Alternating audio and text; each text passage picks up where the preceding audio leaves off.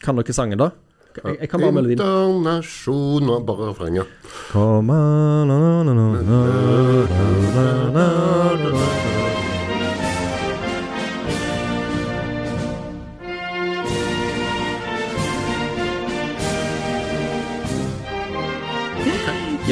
hvis en bare er lenge nok i nærheten av eh, et offentlig ordskifte, så, så kommer en inn på dette med å, har litteraturen kraft, er litteraturen viktig, osv. Det fins jo eh, lange mm, avhandlinger om, om det spørsmålet. Og den boka vi skal snakke om i dag, den er jo bevis på at ja, litteratur har en viss kraft. For det skal rett og slett handle om eh, Det kommunistiske manifest av Karl Marx og Friedrich Engels. Ehm, som er et, eh, et, et sterkt eh, påvirkningsskrift når det gjelder hvordan 1900-tallet utvikla seg, og da i neste omgang hvordan verden ser ut i 2023. Eh, Så vi må gå litt til kjernen her, for vi har lest denne boka, som er bitte liten, og som egner seg godt for å ha i baklommen på vei til et sosialistisk møte, hvis en skulle være i tvil om hvorfor en er på vei dit. Ja. ja. Yngve og Jelena, dere har lest Det kommunistiske manifest. Og når dere leste den, hva tenkte dere var Marx og Engels sine hensikter med å skrive denne boka? Uh, kurtisere denne kjønn, kanskje? Nei, jeg vet ikke. Nei, selvfølgelig var det jo fordi at de ville ha sosiale forandringer. De ville ha en annen verden. Og det er jo viktig å sette seg inn i når de skrev den, og hvordan verden var da. Hvordan hadde man det?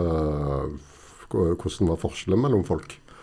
Ja, Så. eh, De kom ut i uh, 18, 1848. 1848. Hvordan ser verden ut i 1848, Yngve? Nei, uh, i februar 1848, når den kom ut, så var det jo februarrevolusjonen, som, uh, hvor man gjorde noen spede forsøk på å forandre ting. Uh, det var stor forskjell mellom fattig og rik. Det var færre og færre bønder og flere og flere industriarbeidere. Det var barnearbeid, det var sykt lange eh, arbeidstider. Det var eh, det var nød, det var forurensning. Det var egentlig ganske dystopisk på mange måter for de fleste, egentlig. Og så var det jo noen som hadde det veldig fint, og som eh, gikk omkring med flosshatt og fine kjoler. Ja. Ja, og det stemmer egentlig. Og det var tiden da systemet ble forandret, fordi du egentlig hadde føydalisme med kongen og uh, bonder, men da egentlig alt skiftet til kapitalisme. Og egentlig denne boken kan ses som en slags programerklæring, og det er en programerklæring som egentlig ble bestilt av Kommunistisk parti. Og Karl Marx og Friedrich Engels skrev det for dem. Som Yngve sa, det var en slags invitasjon. Uh, invitasjon til sosiale forandringer. Uh, for de, og det er også som er viktig, det er en kritikk, Uh, en fantastisk kritikk av eh, forholdene eh, i Europa. Og, og når det gjelder industrisamfunnet. Eh, det var ikke pent i det hele tatt. Det var det opprinnelige akkumulasjonen av kapital. Um, og Karl Marx skrev særlig mye om London, og hva skjedde der. Og ja, det var en slags invitasjon til sosiale forandringer og klassekampen. No, noe av det som slo meg når jeg leste den, var jo hvor, hvor utrolig eh, mange ting de prøver å få til på en gang. Ja. I en ganske liten bok. De skal både fortelle hele verdenshistorien, hvordan den har vært fra eh, de første mennesker fram til 1800-tallet. Og så skal de i tillegg liksom krangle litt med eh, andre i det pågående ordskiftet. Mm. Det er ikke alt der jeg forstår. For det, det er jo 180 år siden. Det Ja. foregikk så liksom, hvem som mente hva den gang. Det har på en måte blitt eh, litt sånn tapt på historiens eh, eh, haug. Ja, og det er egentlig For å forstå dette, vi må egentlig vite bakgrunnen til Karl Marx, fordi Karl Marx var en intellektuell. Uh, han har studert filosofi og litteratur. Og egentlig Det kommunistiske manifest allerede inneholder noen grunnideer som kommer til å bli fremstilt i hans eh, kapitalverk, som heter Kapitalen. Ja. Og det er egentlig veldig tungt uh, filosofisk verk. Kapitalen er jo uh, mange ganger tjukkere enn uh, kommunistiske manifest. Ja, jeg er glad vi ikke snakker om den. Men hvordan er språket her, da? Hvordan er stilen til Marx og Engels i det kommunistiske manifest? Nei, de uh, legger jo ikke fingrene mellom, holdt jeg på å si. De uh, går jo rett fram med det de ønsker. og De kommer med beskyldninger og der de mener de beskyldningene hører hjemme. Og eh, De, uh, de er veldig tydelig ute etter å forandre verden. Hmm. Og hva er det, nå, Hvis vi bruker denne boka som fasit, for denne boka har jo forandra verden, Ja. hva er første bud for den som vil skrive ei bok som skal få eh, massene med seg?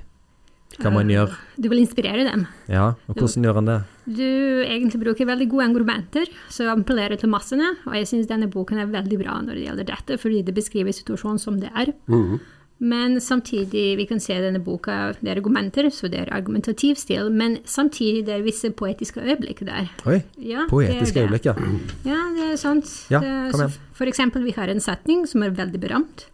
Et spøkelse er på ferd i Europa, kommunismens spøkelse. Så det er et ganske sånn slagord.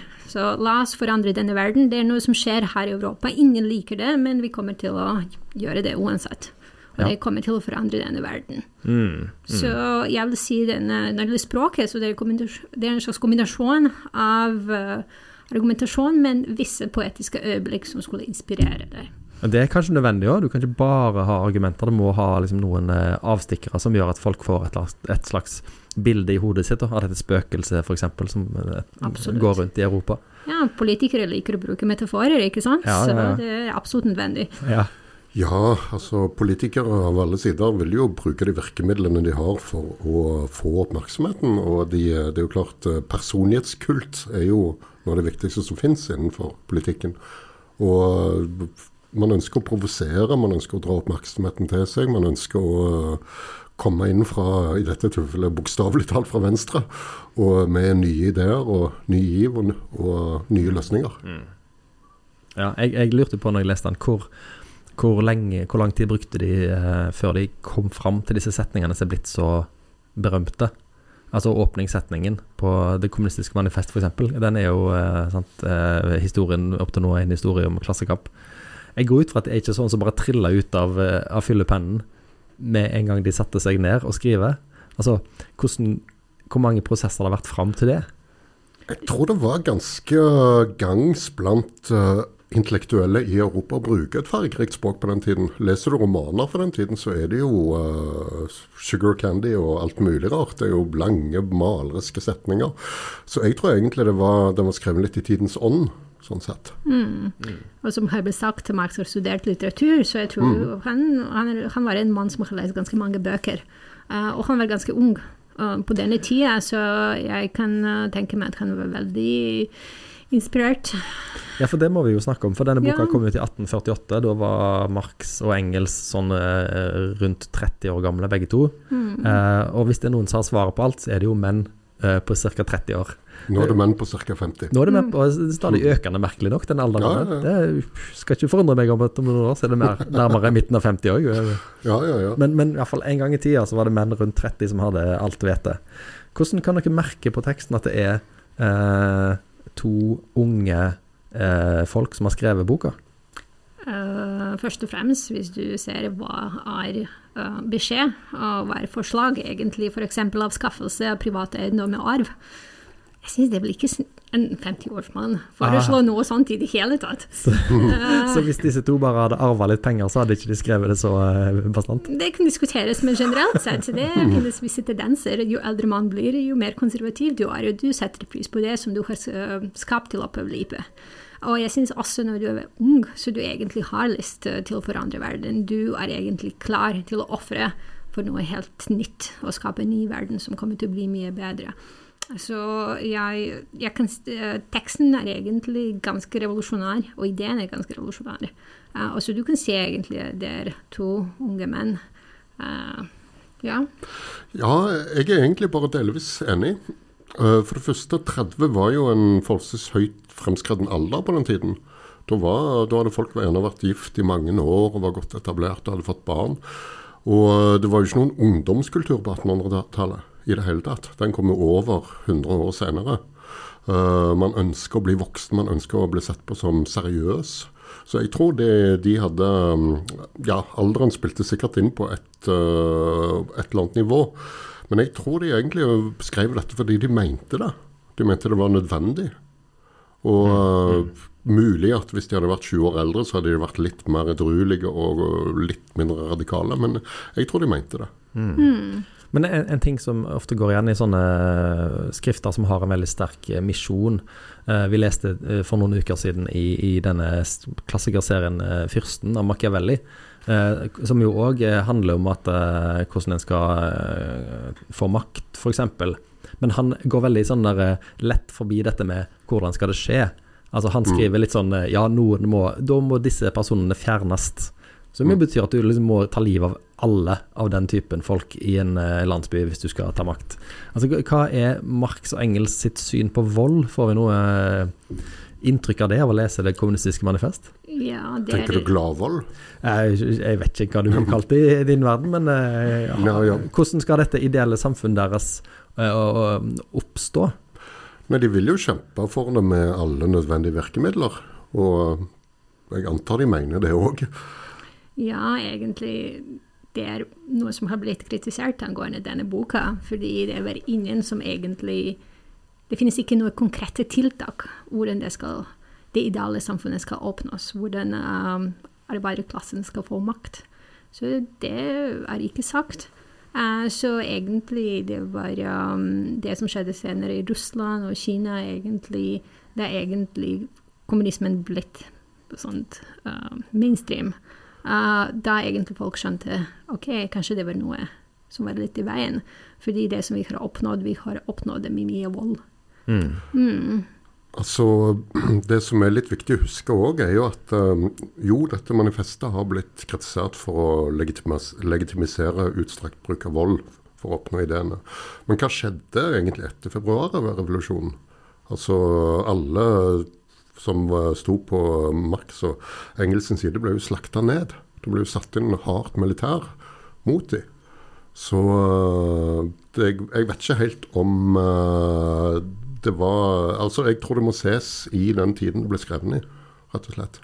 Det, fordi at borgerskapet og adelige de hadde veldig mye makt, og de var slett ikke redde for å bruke den. Så hvorfor skulle de være redde for å bruke den samme makten? Mm, ja, sånn at ettertidens eh, eh, brutale kommunistiske regimer kanskje kaster et litt uh, ufortjent dårlig lys da, over eh, Marx og Engels sin tekst? Ja, det tror jeg faktisk. Mm. Mm. Ja, og man må tenke på det. Det er ideologi, og ideologi kan brukes på forskjellige måter.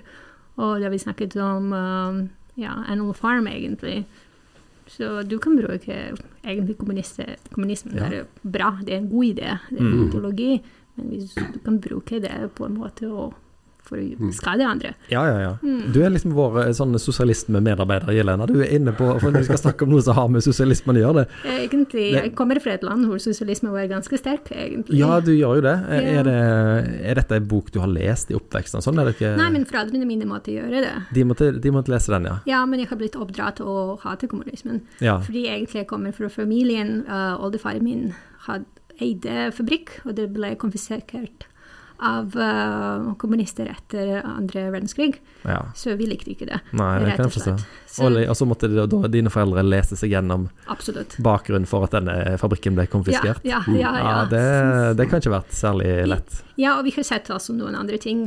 Konsekvenser av sosialisme, og at det var egentlig ganske fin idé. Men mm. når det gjelder menneskets natur, er det noe helt annet. Ja, mm. ja. Det er akkurat som hvis du bare har en uh, ideologi som er fin nok, så vil alle menneskelige uh, instinkter bli viska ut. For vil, da, det er det tanken bak. at det, Da vil vi bli gode fra innerst til ytterst. Men det er jo den universelle forskjellen mellom ideologi og praktisk politikk, egentlig.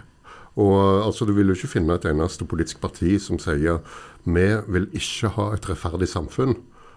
Spørsmålet er jo bare hvordan de ser for seg et rettferdig samfunn, og hvordan de ser for seg at det skal fungere i praksis, egentlig. Så, så, sånn sett så grunntanken bak eh, kommunisme er jo vanskelig å være uenig med. Ja. Men uh, så er det jo hvordan man utfører det i praksis. Det blir, er, er jo blir en annen ting. Mm. Og Det samme gjelder jo uh, ideologier langt, langt lenger til høyre. Liberalisme, markedsliberalisme og slikt. Det er jo en vakker tanke. Folk skal få utfolde seg. Uh, folk skal få skape ting og skape noe som er deres. Men hvordan fungerer det i praksis, og er det rettferdig? Mm. Mm. mm. Og vi skulle tenke på det manifestet er egentlig en slags fantastisk kritikk av kapitalisme. Den grove formen for det. Mm. Og det jeg synes er absolutt fantastisk med denne boka. Ja, mm. ja. Uh, denne boka uh, har jo uh, temaet sosialisme og kommunisme som, som, alle Det er begreper som alle har et forhold til Mm. fra de er ganske små. Eh, var det noe som overraska dere i denne, denne boka, med, med, av perspektivene til Marx og Engels, som dere ikke så komme?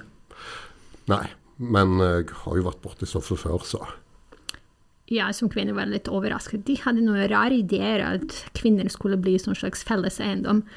Eh, det var noen visse deler som var litt veldig rare. der kom Eh, kanskje alderen inn. Ja, det, det, det var sånt. eh, Og jeg, jeg tenkte meg, «Åh, herregud, så offentlig eiendom Transport skulle være offentlig, og kvinner skulle bli offentlig, på en måte. Så det var, det var en idé av gruppe kvinner som skal deles av en gruppe menn, på en måte. Så, men det kom som konsekvens av kritikk av um, det som skjer i borgerskapet. Ja. For, fordi de trodde egentlig at de benytter seg av alle kvinner som eksisterer, egentlig. Så det var interessant for meg da jeg leste det. Jeg var litt sånn øh, herregud, hva for noe er det? Eh, en, en annen ting som jeg la merke til, jeg vet ikke om dere tenkte på det, er jo dette hvor jeg syns de er langt framme når det gjelder tanker om globalisering. Mm. Som jo er, Det var jo en global verden i midten av 1800-tallet, men i dag er det jo helt ekstremt i forhold. Men de spår jo en, en eh, verdensorden hvor eh, alt er kjøp og salg av arbeidskraft helt på tvers av alle landegrenser. Så Ja. der, der traff de jo godt. da. Det er helt fantastisk egentlig at de så hva kommer til å skje uh, på 1900-tallet. Og egentlig det som de snakker om, er imperialisme. Ja. egentlig. Og vi nå vi lever i en verden hvor egentlig så store kommunistiske land sluttet å eksistere. Ja. På en måte, og nå egentlig kapitalismen har ikke noen andre land å konkurrere med når det gjelder ideologi, og du kan se egentlig den grove formen som bare sprer seg, på en måte. Så jeg syns det er veldig interessant at Karl Marx uh, at de jo egentlig var i stand til å se hva kommer til å skje, uh, og plassere en slags filosofisk, historisk perspektiv. Så det, det er utrolig bra. Mhm. Det er det. Så en ting jeg lurte på i, i slutten av eh, boka, så, så prøver de å liksom å løfte Gå ut med en slags sånn der Du skal gå ut med brus i blodet når du har lest slutten. Og da, da ramser de opp alle, alle land hvor en får inntrykk av at de mener at det er rett før Rett før nå så blir det kommunistisk omveltning i disse landene her. Det var masse land de ramser opp, men ingen av de er Russland. Nei. Eh, så den så de ikke komme, for å si det sånn. Nei, det, det er jo litt morsomt, egentlig, når du tenker på det. Men uh, Russland var vel litt, uh, litt for seg sjøl. Jeg vil tippe at de ikke kom på det, egentlig. Det var jo tsarstyrt og uh, veldig det var isolert på noen måter. Ja, og, og mye mer uh, lite industrialisert sammenlignet med, Ja. med Tyskland, Frankrike, Storbritannia. Nemlig. Så kanskje ifølge Marx og Engels sin logikk så skulle en tro at det var eh, landene med flest arbeidere som ville, ville få en revolusjon. Jeg er ikke sikker på det, men jeg tror egentlig de egentlig samarbeidet tett med kommunistpartiet i Europa, og kanskje og det var innenfor Europa. Karl Marx egentlig flyttet fra et land til et annet. Så det var egentlig ja, fra Tyskland til eh, London, gjennom Brussel og Paris. Uh, men kanskje han bare tenkte ikke så mye på Russland i dette tidspunktet. Nei, nei. Men ideene sprer seg egentlig, rett og slett. Fordi det var en god idé. Det, dette kan vi lære av denne boka. En må alltid tenke på Russland. Ja, Enten det er i 2021 eller i eh, 1848, så må en alltid ta det med i beregningen. ja, Hvis en ikke gjør det, så vil eh, dårlige ting skje. Ja, nei, det er dessverre blitt slik, ja. Men ehm, det som er viktig å huske, er jo at om det ikke ble kommunisme i alle disse landene Altså, vi har gratis utdannelse. eh, vi kan ta oss fri i ett år hvis vi får barn. Vi, eh, altså, vi har en del goder som eh, vi ikke hadde fått hvis det ikke var for indirekte eller direkte Max og engelsk, tror jeg iallfall. Så eh, foreldrekvotens fedre er maks og engelsk, rett og slett. Ja, kanskje vi tilhører de, på en måte. det, det er jo en måte å se det på. Nei, men eh, det, det er jo klart at uh, f.eks. ser du på partiet Høyre i dag kontra 1930, så er det jo et helt annet parti. De, eh, de støtter jo fullt opp om trygd, arbeidsledighetstrygd, Ja, ja. alle disse tingene. Ja. Og, så så det, det er jo klart at eh, om, eh, om ikke alt det de skrev uh, i manifestet har kommet gjennom, så har de jo fått gjennom veldig, veldig mye. Ja. Og uh, vi har jo lett for å trekke fram ekstreme eksempler, som f.eks. Sovjetunionen. Men uh, For det blir jo ofte sånn i politikk at vi elsker å polarisere. Ja. Men tingen er at veldig mange av ideene deres har slått igjennom. ja, ja, ja. Og det er jo kjempeflott. Og det stemmer. Og jeg synes særlig når det gjelder Norge, hvor det er sosialdemokrati, så du egentlig har en slags blanding av kapitalisme og egentlig sosialistiske ideer som stemmer fra manifestet. Og det er egentlig med offentlig transport og uh, gratis eh, utdanning. uh, det er ideer som står klar i denne boken. Ja, og det- det, det har forandret verden. Det gjorde absolutt det. Og det er klart at uh, vi lever jo i et samfunn hvor eh, alle har stemmerett, og hvor eh, forskjellige politiske fløyer passer på hverandre og Ja. for å debattere åpent. Og det er kanskje det minste av alle onder. Jeg vet ikke. Ja. Men Det er jo en, en eller annen politiker, eh, jeg kommer ikke på hvem, sa det berømte utsagnet eh, Vi er alle sosialdemokrater. Altså I Norge så er det alle sammen er innenfor et ganske eh, tynt spekter av politiske meninger, av alle som er på Stortinget. Så vi, Mm. vi har Virkelighetsforståelsen vår er sånn at vi skal ha et samfunn uh, tufta på eh, sosialdemokrati. Det bare er litt blå innslag av og til. Og litt rødere innslag av og til. Litt annerledes enn i USA, f.eks. Ja, litt annerledes enn USA. Men nå er det jo sånn at uh, til og med i USA finner du jo en viss sosial politikk, og til og med i kommunistiske land finner du eh, innslag av markedsliberalisme. Det er jo verktøy i verktøykassen, egentlig. Så det passer hva man vil gjøre. Under koronakrisen så lånte jo til og med de blåeste regjeringer eh, ganske så raust fra den kommunistiske verktøykassen. Ja, ja. Mm. Ok. Eh, Er dette en bok som har kraft til å påvirke den som leser det i, i 2023? Kan den bli, liksom, Får en lyst til å melde seg inn i, i Rødt eller eh, fagforening eller sånt av å lese den? Eller hvordan, hvordan ble dere påvirka av å lese Kommunistiske manifest i, i år? Jeg synes det er veldig aktuelt, egentlig.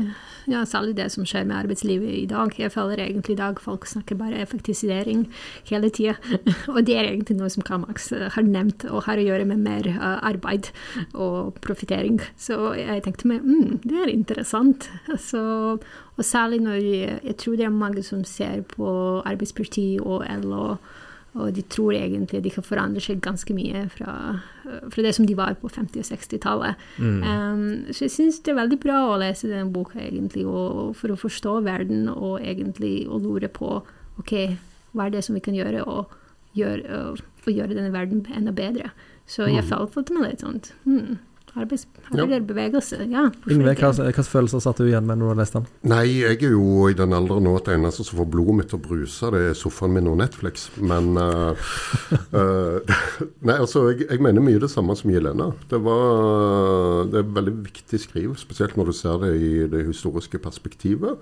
Uh, det er en del rettigheter vi tar for gitt i dag, som eh, vi må passe på at vi ikke tar for gitt, men at vi fortsatt kjemper for. Eh, det er um, vi har jo en verden hvor de som nå produserer ting for oss, bor i andre land og ikke nødvendigvis har det så godt. Så vi har jo på en måte feid problem under teppet. Så, og mye av de tankene som det står om, de kan jo bli veldig ak- aktuelle f.eks. i lys av klimakrisen. For. Mindre forbruk og øh, lavere levestandard kan bli nødvendig. Det mener iallfall veldig mange. Og hvordan vil det virke inn på fordelingsnøkler rundt omkring i verden? Da tenker jeg både innenfor land og globalt, egentlig. Ja, og man egentlig begynner å lure på hvem arbeiderklasse er, egentlig. Ja. Særlig i dag i Norge, når flere og flere tar utdanning. Ja, ja, flere og flere tar utdanning, og da får vi et meritokrati hvor uh, noen gjerne må stå og vaske gulv på anbud og for lavest mulig lønn, mens andre med utdannelse kan lage podkast. så det er jo så, det, så, det, så, så det er jo en viktig debatt som aldri må legges død, tenker jeg. Det, det er ingen som tvinger deg til å lage podkast på Yngve. Du kan godt begynne å, å ta en vask. Ja ja, la oss ikke dra det for langt nå. Det kan du gjøre hjemme. Ja, det er herlighet. Du må støvsuge sofaen iallfall, sånn at den er god og ikke, ikke full av smuler og sånn. Jeg gir den til au pairen, mener jeg. Ja, selvfølgelig. det er bra. Um, så hvorfor er dette en klassiker? Eh, Helt kort, eh, Jelena. denne boka har påvirket oss så mye. Uh, det finnes i veven av vår europeiske sivilisasjon, så å si. Men jeg vil se overalt, på en måte. Uh, og for eksempel, jeg har studert humanistiske fag, og humanistiske fag var så sterkt påvirket av marxisme solaria. Så du hadde overalt det er psykologi, økonomi, historie, filosofi. Uh, til og med kunst, og særlig på 70-tallet, var var veldig påvirket av det. Mm -hmm. Så jeg syns det er klassiker. Hvis du leser det, du forstår mye bedre samfunnet og verden du uh, lever i. Ja, nei, den, eh, den, har jo, som, som jeg har sagt noen ganger, forandra verden. Alle har et forhold til Selv om de ikke har lest Det kommunistiske manifest, så vet alle, vil jeg tro, i fall, hva det er. Sånn cirka, iallfall. Og har en mening om det. Alle har en mening om marxisme, alle har en mening om kommunisme, om sosialisme. Positiv eller negativ. Så eh, det er jo klart at de to um, unge tølpene der, de, de eh, fikk jo et gjennomslag. Men er det mulig å se for seg at en, en bok kunne fått samme virkning hvis den hadde kommet i dag?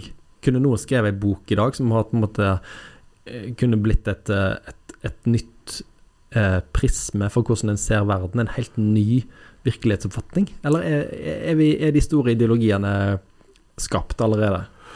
Nei, Det er jo de som har prøvd. Jeg, vet, jeg antar at han Thomas Piketty fra Frankrike hadde noe sånt i baktankene. Ja, ja. Men det er bare tittelen 'Kapitalen i det 21. århundre'. Ja, ikke sant? Det er liksom stålet på skuldrene til kapitalen ja, ja, ja. Av, av Marx og Engels. Ja, det er sant. Det er sant. Jeg har tenkt akkurat på denne boka du snakket mm. om det, men det er litt forskjellen om det. Fordi Pikettys kapital, det er litt Han går ut fra dette at uh, kapital er overalt. Det finnes mm. overalt. At uh, den, den ideologi, mm. profitt, egentlig finnes i alle deler av verden. Um, så det er, de er litt annerledes, men jeg vil si rett og slett ja, det mm. påvirker det. Med det samme han valgte dette navnet for boka, egentlig peker på noe. Det, det er sant. Jeg tror at vi bor uh, i en verden hvor det kommer så mange ting fra alle mulige kanter at jeg har vondt for å se at én ideologisk bok vil påvirke folk. Altså denne var jo sånn eh, Denne kom jo først, på en måte. Sånn sett. Og um, det, de fremstilte det jo med på som De prøver jo å fremstille det som teknokrati, egentlig. Og det er jo egentlig litt skummelt, på en måte. Mm. Når uh, politisk ideologi blir fremstilt som teknokrati. At dette, dette funker, sånn sett. Men uh, jeg eh, ser ikke for meg at noen vil uh, Altså det er så mye virvar rundt omkring med at uh, nei, det tror jeg ikke. Mm, ja, og særlig med sosiale medier. Det er så mange beskjeder som vi mm. får hele tida, så det er veldig vanskelig å bli knyttet til en Det kan jo være det sitter en 55-åring og har en veldig interessant Facebook-tråd med capslock et sted som forandrer verden, men ja, jeg ja. håper ikke det. Ok, Jelena og Yngve. Eh, takk, for, eh, takk, for, innsatsen. Dere får gå og stryke de røde skjortene deres og, ja. og gjøre dere klar for tog. Eh, dere skulle ha en liten markering nå i lunsjen, eh, skjønte jeg? Ja, ja, ja. Vi skal øve inn internasjonalen, uh, kamerater som en og, og, lese masse Dag Solstad. Og lese masse Dag Solstad. Det er iallfall ikke feil, uansett. Nei, det er aldri feil. Alltid riktig å lese Dag Solstad. Ja. Helt enig.